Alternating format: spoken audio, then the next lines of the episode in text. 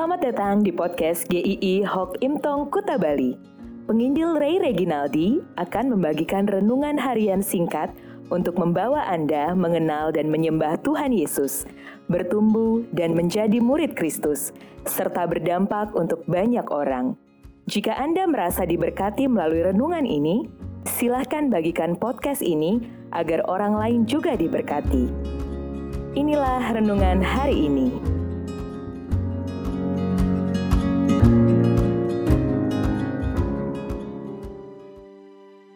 Ada kesempatan dalam kesulitan. Filipi 1 ayat 22a. Tetapi jika aku harus hidup di dunia ini, itu berarti bagiku bekerja memberi buah.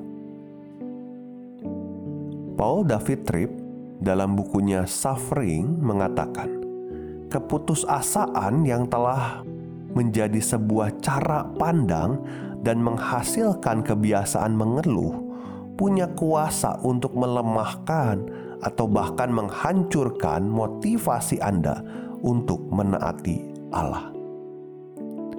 Keputusasaan itu bukan hal yang sepele, tetapi berbahaya.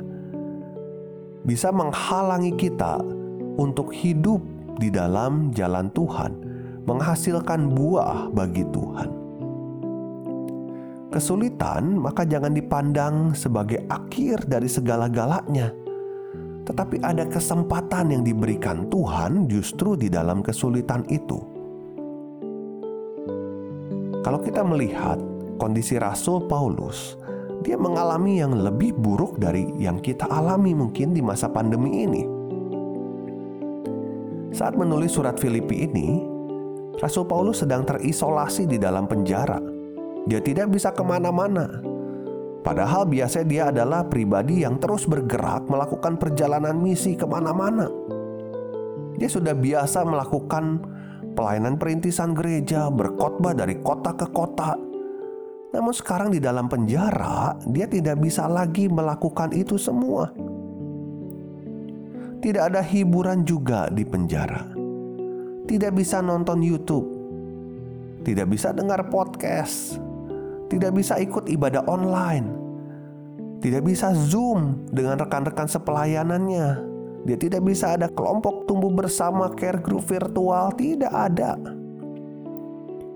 Dia bisa saja berdiam diri meratapi dirinya dan berkata, aduh saya udah gak bisa apa-apa lagi.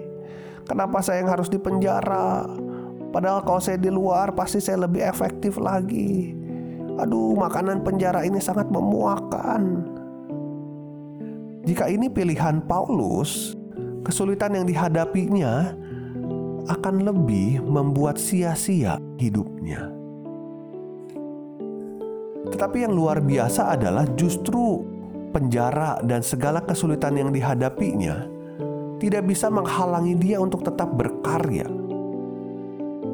Justru kesulitan itu menjadi kesempatan bagi Rasul Paulus untuk tetap bertumbuh dan memberikan buah bagi Tuhan dan itu terlihat dari ayat yang kita baca hari ini. Tetapi jika aku harus hidup di dunia ini, itu berarti bagiku bekerja memberi buah. Ini ditulis dalam kondisi yang tidak enak, kondisi yang penuh kesesakan, situasi yang jauh dari ideal. Dapat melihat kesempatan di dalam kesulitan itu bisa jika tujuan hidupnya hanya untuk Kristus. Hatinya tidak padam, tetap berapi-api untuk memberitakan Injil. Dengan herannya, Tuhan membuat surat-surat Rasul Paulus dari dalam penjara itu justru menggema, memberkati jauh lebih luas dari yang Paulus bisa bayangkan.